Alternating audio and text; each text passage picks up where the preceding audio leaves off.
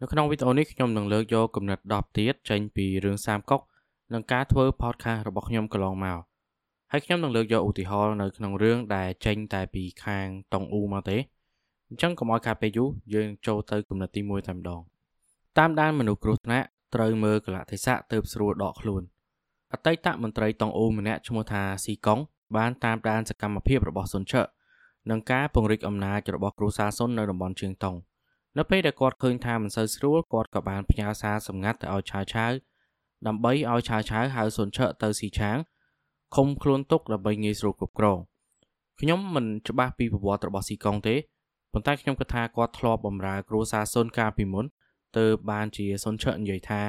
ស៊ីកុងចង់ក្បត់ជាមួយនឹងគាត់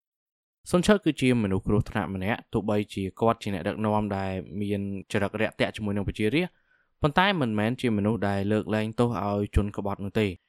ស៊ីកុងមិនចេះមើលកលៈទេសៈធ្វើរឿងបែបនេះនៅពេលដែលសុនឆើកំពុងតែវាយយកទឹកដីបានចិត្តអស់ទៅហើយសុនឆើកំពុងតែពង្រឹងស្ថិរភាពនៅក្នុងតំបន់ជើងតុង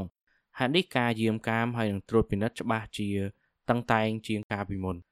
ស៊ីកុងប្រហែលជាចង់បានគុណសម្បត្តិពីឆាវឆាវឬក៏ពីរាជការឬក៏គាត់ចង់បានតំណែងរបស់គាត់ត្រឡប់មកវិញទើបហ៊ានរាយការណ៍បែបនេះ ប៉ុន្តែការធ្វើអ្វីមួយដោយខ្លួនឯងមិនអាចដកខ្លួនរួចមិនមែនជារឿងឆ្លាតទេនៅពេលវាងឡើងបដិសេធមិនបំរើសុនឆើ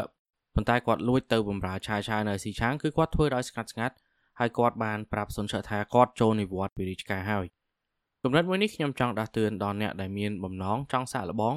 បង្ហាញភាពក្លាហានរបស់ខ្លួនឯងទៅតតាំងជាមួយនឹងមនុស្សដែលមានគ្រោះថ្នាក់ណាមួយនៅក្នុងសង្គមយើងត្រូវត្រៀមផ្លូវសម្រាប់ដកខ្លួនឲ្យហើយទៅ តើសម្គាល់បែបណាទៅដឹងថាអ្នកណាជាមនុស្សគ្រោះថ្នាក់ងាយទេអ្នកណាដែលមានលុយច្រើនជាងយើងអ្នកណាដែលមានអំណាចធំជាងយើងឬក៏អ្នកណាដែលមានខ្សែបណ្ដាញច្រើនជាងយើងគឺគ្រោះថ្នាក់សម្រាប់យើងហើយមនុស្សគ្រោះថ្នាក់សម្រាប់យើងអាចមិនមែនគ្រោះថ្នាក់សម្រាប់អ្នកអតីពីព្រោះវាអាស្រ័យទៅលើសមត្ថភាពរបស់យើងដែរថាអាចទប់ជាមួយគេបានប៉ុណ្ណាបើសិនជាការបថុយគ្រោះថ្នាក់ដើម្បីបង្ហាញការពិតឬក៏តស៊ូគំនិតជាគោលដៅរបស់យើងយ៉ាងហោចណាស់ត្រៀមផ្លូវរត់ផង កុំធ្វើដោយស៊ីកុងដែលត្រូវសុនឆើយកទៅសម្លាប់ទាំងគ្រួសារដោយសារតែគាត់សរសេរសបត់មួយច្បាប់កូនចៅរបស់គាត់ពិតជាអាចមកសងសឹកឲ្យគាត់បានពិតមែនប៉ុន្តែស៊ីកុងក៏មិនអាចរស់ឡើងមកវិញបានដែរគ្រួសាររបស់គាត់ដែលស្លាប់ទៅដោយសារគាត់នឹងក៏មិនអាចរស់ឡើងវិញបានដូចគ្នាទោះបីជាមានគេមកសម្រាប់សុនឆើហើយក៏ដោយកុំប្រញាប់ថាគេចោលមសៀតក្រែងលោបន្តិចទៀតគេឡើងធំជាងជើងនៅក្នុងរឿងសាមកុក2010ឆាវឆាវនឹងលាវប៉ៃនិយាយគ្នាពីរឿងអ្នកក្លាហានក្នុងចំនួនរបស់គាត់ ឈ្មោះរបស់សុនឆើត្រូវបានលាវប៉ៃលើកយកមកនិយាយឆាវឆាវបដិសេធថាសុនឆើល្បីដោយសារតែឪពុករបស់គាត់ទេមិនទុកថាជាអ្នកក្លាហានទេនៅពេលនោះឆាវឆាវមិនទាន់មានការបារម្ភអំពីសុនឆើទេពីព្រោះការវាយយកទឹកដីនៅក្នុងតំបន់ចាំងតុងទើបតែចាប់ផ្ដើមកើតឡើងក្រោយមកមិនយូរប្រហែលអំណាចរបស់សុនឆើកាន់តែធំឡើងធំឡើងធ្វើឲ្យទីប្រឹក្សារបស់ឆាវឆាវជាច្រើនសុទ្ធតែយល់ថាសុនឆើថ្ងៃក្រោយទៅអាចคล้ายទៅជាសត្រូវធំរបស់ឆាវឆាវហើយឆាវឆាវក៏ចាប់ផ្ដើមបារម្ភ ឆាវឆាវមិនបានថាសុនឆើចោលមកសៀទេប៉ុន្តែគាត់បដិសេធមិនព្រមទទួលយកអ្វីដែលសុនឆើបានធ្វើហើយនៅក្នុងតំបន់ជាងតុងដោយគាត់នៅតែយល់ថាមានតែសុនជៀនទេដែលជាមូលហេតុធ្វើឲ្យសុនឆើមានឈ្មោះល្បីបែបនោះបានបើសិនជាយើងធ្វើការប្រៀបធៀបសុនឆើវាយយកទឹកដីលឿនជាងឆាវឆាវទៅទៀតមនុស្សប្រកែប្រកែជាច្រើនស្ម័គ្រចិត្តចូលមកបម្រើគ្រួសារសុនដែលវាស្តៀងគ្នាជាមួយនឹងឆាវឆាវដែរក្រោយពេលដែលគាត់ទទួលបានយានជើ មេតបធំនៅតុងអ៊ូភាគច្រើនសុទ្ធតែទទួលការមិនទុកចិត្តឬក៏ការប្រមាថពីអ្នកដទៃតម្រាំតែពួកគាត់អាចឡើងទៅដល់តំណែងខ្ពស់បានចៅអ៊ីត្រូវឆឹងភូមិនទទួលស្គាល់ពីដំបូងពីព្រោះគាត់មានអាយុក្មេងជាងឆឹងភូលីម៉ឹងត្រូវគេប្រមាថថាមិនចេះអសរនិងធ្លាប់ត្រូវលូស៊ូយល់ថាមិនអាចធ្វើកិច្ចការធំបានទៀតផងចំណែកលូស៊ីងវិញត្រូវគេចាត់ទុកថាជាអ្នកសិក្សាធម្មតាមិនអាចបជាតបបានរហូតដល់ពេលដែលគាត់អាចវាយឈ្នះតបនឹងតស៊ូ ការវាយតម្លៃថាអ្នកដតីចោលមសៀតឬធ្វើអ្វីមិនកើតលឿនពេកអាចនឹងធ្វើឲ្យយើងស្ដាយក្រោយឬបកកជាបញ្ហាថ្ងៃក្រោយខ្ញុំមិនហាមទេក្នុងរឿងវាយតម្លៃអ្នកដតីពីព្រោះមនុស្សចោលមសៀតពិតជាមានមែនគ្រាន់តែយើងត្រូវការពេលវេលា និងផុសតាងច្រើនដើម្បីបង្ហាញឲ្យបានច្បាស់ការវាយតម្លៃលឿនពេកតែងតែកើតឡើងនៅពេលដែលយើងមានអំណួតលើអ្វីដែលខ្លួនយើងមានឬអ្វីដែលខ្លួនយើងអាចធ្វើបានក្នុងពេលបច្ចុប្បន្នហើយភ្លេចថាខ្លួនឯងចាប់ផ្ដើមពីត្រង់ណាមក កម្រមានមនុស្សដែលចាប់ផ្ដើមភ្លាមអស់ចាភ្លាមណាអញ្ចឹងបើសិនជាយើងចង់វាយតម្លៃយើងមិនគួរវាយតម្លៃចេញមកក្រៅឲ្យអ្នកដតីបានឮទេជៀសវាងគេមានចិត្តគុំក្នុងចិត្តពីព្រោះយើងមិនដឹងថាតើគេអាចឡើងដល់កម្រិតណាទេខ្ញុំមានវិធីវាតម្លៃអ្នកណាម្នាក់ថាចោលសៀតឬក៏អត់មួយដោយមើលទៅលើអ្វីដែលកើតឡើងដដែលដដែលនៅក្នុងជីវិតរបស់ពួកគេវាអាចជាកំហុសឬក៏ជារបៀបដែលពួកគេសម្រេចចិត្តទៅលើរឿងធំណាមួយ ភាគច្រើនខ្ញុំធ្វើទៅលើមនុស្សដែលមានអាយុច្រើនប៉ុណ្ណោះពីព្រោះពួកគេមានរឿងកើតឡើងក្នុងជីវិតច្រើនដែលអាចយើងចាប់យកមកប្រៀបធៀបគ្នាសម្រាប់ក្មេងៗគឺយើងមិនអាចវាតម្លៃបានទេពីព្រោះពួកគេនៅមានពេលវេលាវែងឆ្ងាយមានពេលច្រើនជាងមនុស្សចាស់យកចិត្តអ្នកចេះដឹងត្រូវបង្ហាញចំណេះដឹងនិងការគោរពគ្មានអ្នកចេះដឹងណាមិនឲ្យតម្លៃលើចំណេះដឹងទេ នៅពេលដែលលូស៊ូឡើងធ្វើជាមេតបធំភ្លាម គាត់មិនសូវឲ្យតម្លៃលីម៉ឹងទេពីព្រោះគាត់យល់ថាលីម៉ឹងគ្រាន់តែជាមេតបដែលចេះប្រើកម្លាំងនៅក្នុងសមរភូមិមិនចេះក្បួនសឹកមន្ត្រីផ្សេងទៀតបានឲ្យយោបល់ទៅលូស៊ូថាគាត់គួរតែទៅសួរសុខទុក្ខលីម៉ឹងដោយផ្ទាល់ពីព្រោះការឡើងតំណែងរបស់គាត់អាចនឹងប៉ះពាល់ចិត្តរបស់លីម៉ឹងកេរ្តិ៍ឈ្មោះនិងស្នាដៃរបស់លីម៉ឹងនៅក្នុងជួរកងទ័ពគឺខ្ពស់ណាស់ទោះជាយ៉ាងណាក៏លូស៊ូគួរតែបង្ហាញការគួរសមខ្លះដែរលូស៊ូក៏ធ្វើតាមហើយគាត់ទៅដល់បានជជែកគ្នាពីរឿងយុទ្ធសាស្ត្រសង្គ្រាម ទើបគាត់លន់មាត់និយាយថាគាត់មិននឹកស្មានថាលីម៉ឹងមានចំណេះដឹងប៉ុណ្ណឹងសោះពីមុនមកក្រៅពីក្បួនសឹកលីម៉ឹងនៅស្ទាត់ជំនាញអំពីការព្រៀនប្រដៅរបស់ខុងជឺដែរលីម៉ឹងធ្លាប់ទទួលបញ្ជាពីសុនឈៀនឲ្យឆ្លៀតពេលអានសភៅនៅក្នុងជំនុំទ័ពដើម្បីឲ្យខ្លួនឯងមានចំណេះដឹងដូចគេដែរពីព្រោះសុនឈៀនត្រូវការឲ្យគាត់ថ្ងៃក្រោយទៅជួយគិតគូរពីយុទ្ធសាស្ត្រផងមិនមែនគិតតែរឿងច្បាំងទេការសន្ទនាជាមួយលីម៉ឹងតែម្ដងបានបដូរការយល់ឃើញរបស់លូស៊ូ ហើយធ្វើឲ្យពួកគាត់ទាំងពីររាប់អានគ្នាជាងកាលពីមុនហើយនេះទៅពេលដែលលូស៊ូគាត់ចិត្តស្លាប់គាត់បានឧទ្ទិសនាមកលីម៉ឹងធ្វើជាមេតបធំបន្តពីគាត់បើសិនជាយើងចង់យកចិត្តអ្នកចេះដឹងត្រូវមានចំណេះដឹងឲ្យបានប្រហាក់ប្រហែលនឹងពួកគេ ការគោរពក៏ត្រូវតែមានដែរដើម្បីបញ្ជាក់ថាយើងពិតជាមានចំណេះដឹងពិតមែននៅពេលយើងទៅធ្វើការបើយើងចង់យកចិត្តថ្នាក់លើណាម្នាក់យើងត្រូវរកវិធីបង្ហាញថា យើងចេះអ្វីដែលពួកគេចេះទោះបីជាគេអត់បានបង្រៀនយើងក៏ដោយការប្រឹងរៀនដោយខ្លួនឯងកាន់តែធ្វើឲ្យគេសរសើរយើងថែមទៀតផ្ទុយទៅវិញបើសិនជាយើងចង់យកចិត្តអ្នកដែលមិនមានចំណេះដឹងយើងមិនគួរបង្ហាញអ្វីដែលយើងចេះច្រើនពេកពីព្រោះគេអាចនឹងយល់ថាយើងជាមនុស្សអួតឬចង់មើលស្រាលគេយើងគួរតាមសង្កេតមើលវិញថាពួកគេមានចំណូលចិត្តអ្វីហើយចាំប្រើប្រាស់ចំណូលចិត្តនោះទៅយកចិត្តគេវិញការខ្ញុំនៅក្មេងប្រហែលជា30ឆ្នាំមុន អ្នកនយោបាយគេចែកតែសរងហើយនឹងកម្មាឬក៏លុយតិចតួចទេ នៅពេលដែលចោះមកឃោសនាបោះឆ្នោតតាមភូមិឃុំពីព្រោះនៅពេលនោះអារបស់អស់ហ្នឹងគឺជាអ្វីដែលប្រជាជនចង់បានសម័យក្រោយមកដល់ឥឡូវនេះអ្នកនយោបាយគេចែកទាំងទ្រឹស្ដីផងបទពិសោធន៍ផងពេលខ្លះចែកទាំងអារម្មណ៍ត្រាម៉ារបស់ពួកគាត់ទៀតដើម្បីឲ្យប្រជាជននៅសម័យថ្មីហ្នឹងទទួលបានរបស់អស់ហ្នឹងដែរអ្នកចំនួនក្រោយគេចាប់ផ្ដើមឲ្យតម្លៃទៅលើចំណេះដឹងអញ្ចឹងអ្នកនយោបាយក៏ រៀបចំជាចំណេះដឹងសម្រាប់អ្នកទាំងអស់ហ្នឹងបើសិនជាគេចង់យកចិត្តយើងគេផោមតែមួយត្រិចទេគឺគេអាចយកបានហើយមានសមត្ថភាពទៅអាចជួយអ្នកដទៃបានឥឡូវសាកគិតទាំងអស់គ្នាហេតុអីបានជាចៅអ៊ីអាចជួយសុនឆើវាយយកទឹកដីជាងតង់បានចិត្តពីព្រោះគាត់មានសមត្ថភាពដឹកនាំតបបើសិនជាចៅអ៊ីរាប់អានសុនឆើមែននឹងមានបំណងចង់ឲ្យសុនឆើបង្កើតអំណាចគ្រួសារសុនត្រឡប់មកវិញតែខ្លួនឯងអត់មានសមត្ថភាពអ្វីសោះ គាត់ក៏មិនអាចជួយមិត្តភក្តិគាត់បានដែរក្នុងឆ្នាំ214សុនឈៀនលើកតបទៅវៃហឺហ្វៃដែលពេលនោះមានចាងលាវនៅការពារសង្គ្រាមនេះសុនឈៀនទទួលបរាជ័យយ៉ាងធ្ងន់ធ្ងរហើយវិសនឹងត្រូវចាងលាវចាប់ខ្លួនបានទៀតផង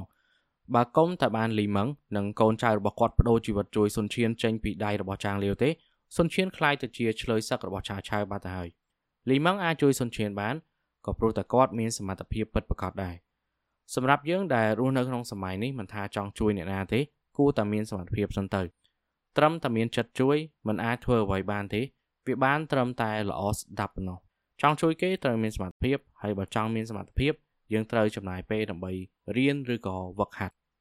អ្នកចង់សាងស្នាដៃរស់តិចជាងមួយថ្ងៃក៏គេគិតថាសមនឹងតម្លៃដែរនៅក្នុងសបុតដែលចៅអ៊ីសរសេរឲ្យសុនឈៀនមុនពេលដែលគាត់ស្លាប់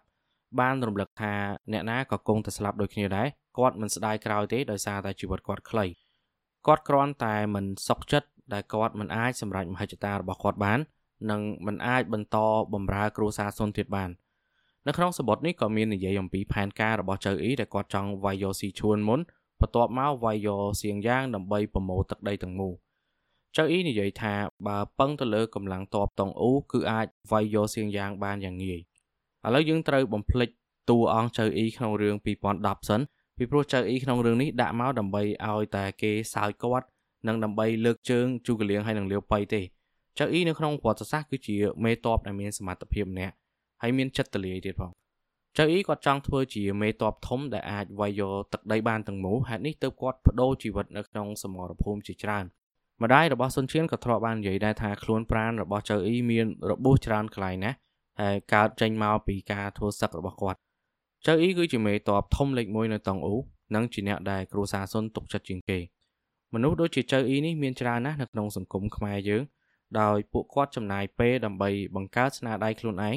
ទោះបីជាត្រូវលះបង់សុខភាពឬក៏ប្រថុយជាមួយនឹងគ្រោះថ្នាក់ក៏ដោយគាត់យល់ឃើញថាមនុស្សស្លាប់ទុកស្នាដៃគឺជារឿងសមហេតុផលហើយបើសិនជាគាត់មិនធ្វើរឿងអស់ហ្នឹងទេគឺគាត់រស់នៅមិនអស់ចិត្តទេ ស្ដេចល្អត្រៀមស្ដេចល្អមួយទៀតដើម្បីបន្តពីខ្លួនឯងនគរមិនអាចអត់ស្ដេចទេស្ដេចអង្គណាដែលស្លាប់ទៅដោយមិនមានអ្នកស្នងតំណែងត្រឹមត្រូវខ្ញុំគិតថាមិនអាចចាត់ទុកថាជាស្ដេចល្អបានទេព្រះអង្គលីងឆាវយួយនិងស៊ីម៉ាយាន បានធ្វើការតែងតាំងរាជទាយាទមុនពេលស្លាប់ប៉ុន្តែស្ដេចថ្មីគឺនៅក្មេងមិនអាចគ្រប់គ្រងនគរដោយខ្លួនឯងបានទេអញ្ចឹងត្រូវគេពវល់ចោះពវល់ឡើង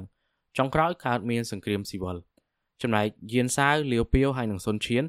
មិនបានតែងតាំងរាជទាយាទឲ្យត្រឹមត្រូវទេដល់ពេលដែលពួកគាត់ស្លាប់បាត់ចំនួនផ្ទៃក្នុងរវាងបងប្អូនឯងក៏កើតឡើងស្ដេចល្អត្រូវដឹងថាខ្លួនឯងមិនរស់បានរហូតទេហេតុនេះគួរតែមានអ្នកបន្តវេនឲ្យហើយឆាឆាវបានត្រៀមឆាវភីលាវប៉ៃបានត្រៀមលាវសានហើយមានជូកលៀងនិងលីយានចាំជួយជ្រោមជ្រែងសុនឆើបានត្រៀមសុនឈៀនដោយមានចៅអ៊ីនិងចាងចាវចាំជួយពីក្រោយឆាឆាវលាវប៉ៃហើយនិងសុនឆើអាចរាប់ថាជាស្ដេចល្អឬក៏ជាអ្នកដឹកនាំល្អ ពីព្រោះពួកគាត់បានត្រៀមមនុស្សចាំបន្តកិច្ចការពីខ្លួនឯងគាត់ដឹងថាគាត់មិនអាចធ្វើអស់ទេកម្រិតនេះអាចយកមកប្រៀបធៀបជាមួយនឹងការងារប្រចាំថ្ងៃបាន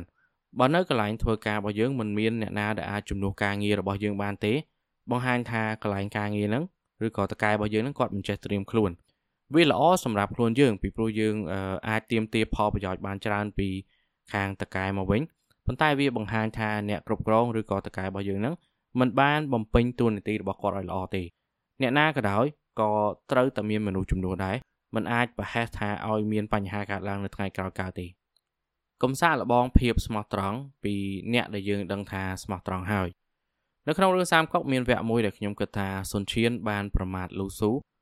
ក្រោយមកទៀតគាត់ប្រាប់លូស៊ូថាគាត់មានចេតនាធ្វើបែបហ្នឹងដើម្បីឲ្យចៅអ៊ីមានអារម្មណ៍ថាខុសឆ្គងចំពោះលូស៊ូហើយផ្ទេរតំណែងទៅឲ្យលូស៊ូតែខ្ញុំគិតថាហេតុផលនេះមិនសមទំនងទេ សុនឈៀនដោយសារតែចង់ឲ្យចៅអ៊ីព្រមទទួលផ្លាកបញ្ជាតបវិញគាត់ក៏បន្ទោសលូស៊ូហើយចោទថាលូស៊ូនឹងខົບខិតជាមួយជូកលៀងនិងមិនទុកគាត់ជាម្ចាស់ទៀត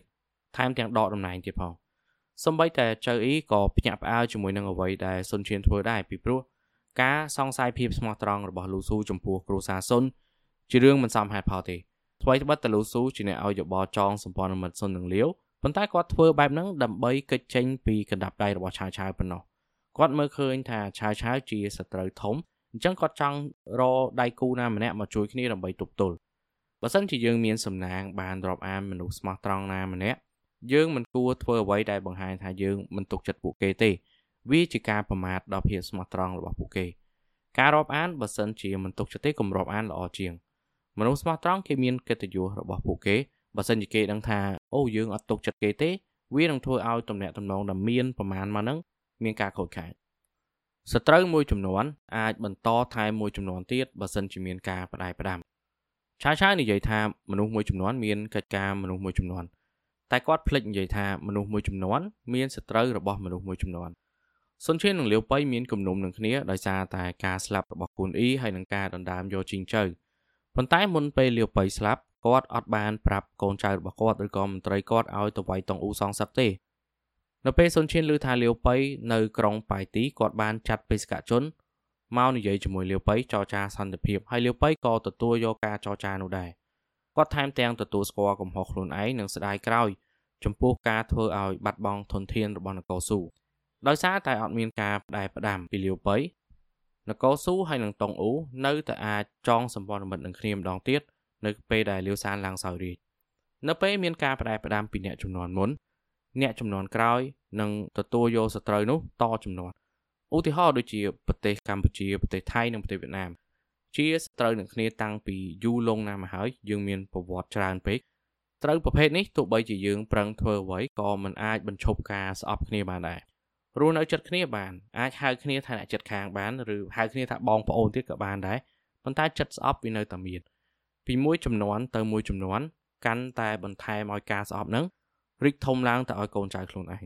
សត្រូវតចំនួនពឹងលើការបដែផ្ដាំដើម្បីបញ្ឆេះភ្លើងគំនុំឲ្យនៅបានយូរ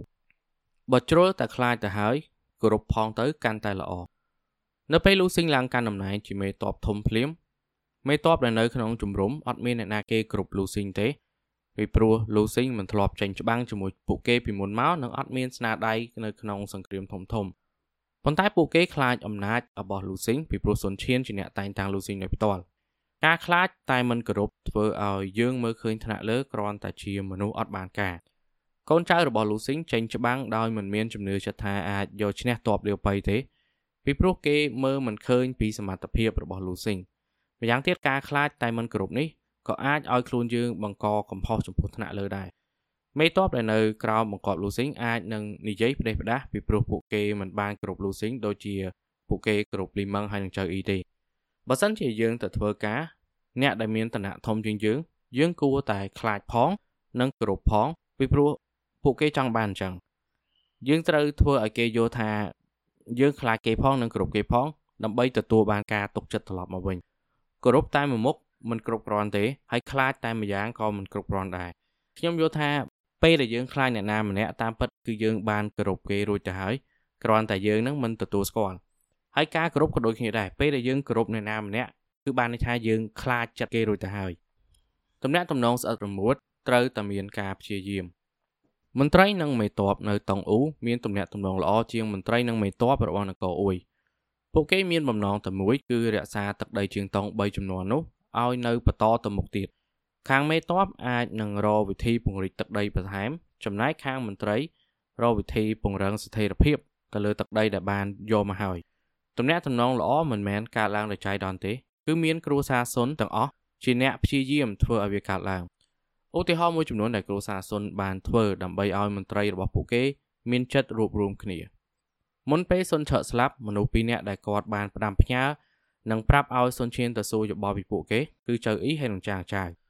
ចៅអ៊ីតំណាងឲ្យខាងមេតបចាងចៅតំណាងឲ្យខាងមន្ត្រីស៊ីវិលការធ្វើបែបនេះគឺដើម្បីឲ្យទាំងសងខាងមានឱកាសបញ្ចេញយោបល់ទៅឲ្យសុនឈៀននិងមិនធ្វើឲ្យសុនឈៀនស្ដាប់តែម្ខាងចោលម្ខាងដល់ពេលដែលសុនឈៀនឡើងស្នងតំណែងគាត់ក៏បានប្រើប្រាស់មនោសញ្ចេតនាផ្ទាល់ខ្លួនដែលគាត់មានជាមួយនឹងចៅអ៊ីហើយនឹងចាងចៅ ដើម្បីឲ្យពីរនាក់នេះទៅបញ្ចុះបញ្ចូលមន្ត្រីឬក៏មេតបដែលនៅក្រោមបង្គាប់របស់គាត់នឹងចូលរួមជាមួយនឹងសុនឈៀនប្រឆាំងជាមួយនឹងសត្រូវគំនិតមួយនេះខ្ញុំចង់បង្ហាញថាទម្រាំតែអាចបង្កើតទំនាក់ទំនងល្អបាន យើងត្រូវតែព្យាយាមបន្តិចមិនមែនគ្រាន់តែនៅផ្ទះជាមួយគ្នាធ្វើការជាមួយគ្នាអាចមានទំនាក់ទំនងល្អកើតឡើងទេយើងត្រូវធ្វើរឿងជាច្រើនទៀតដើម្បីស្គាល់ចិត្តនិងគោលបំណងគ្នាទៅវិញទៅមកខ្ញុំធ្លាប់ឃើញបុគ្គលិកដែលធ្វើការជាមួយគ្នារាប់ឆ្នាំ ប៉ុន្តែបែរជាធ្វើដោយអត់ស្គាល់គ្នានៅពេលដែលជួបគ្នានៅខាងក្រៅទំនាក់ទំនងល្អក៏អាចធ្វើជារបងការពារពីពាក្យចាក់រុករបស់អ្នកអតីបានដែរអញ្ចឹងខ្ញុំមានតែប៉ុណ្្នឹងទេនៅក្នុងវីដេអូមួយនេះសង្ឃឹមថាអ្នកទាំងអស់គ្នាទទួលបានប្រយោជន៍ខ្លះដែរមិនថាជាឧទាហរណ៍ឬក៏ក្នុងសាច់រឿងទេអរគុណសម្រាប់ការស្ដាប់ពីដើមរហូតដល់ចប់យើងចាំជួបគ្នាជាមួយនឹងវីដេអូក្រោយទៀតដោយមានកំណត់ថ្មី10បន្ថែមទៀត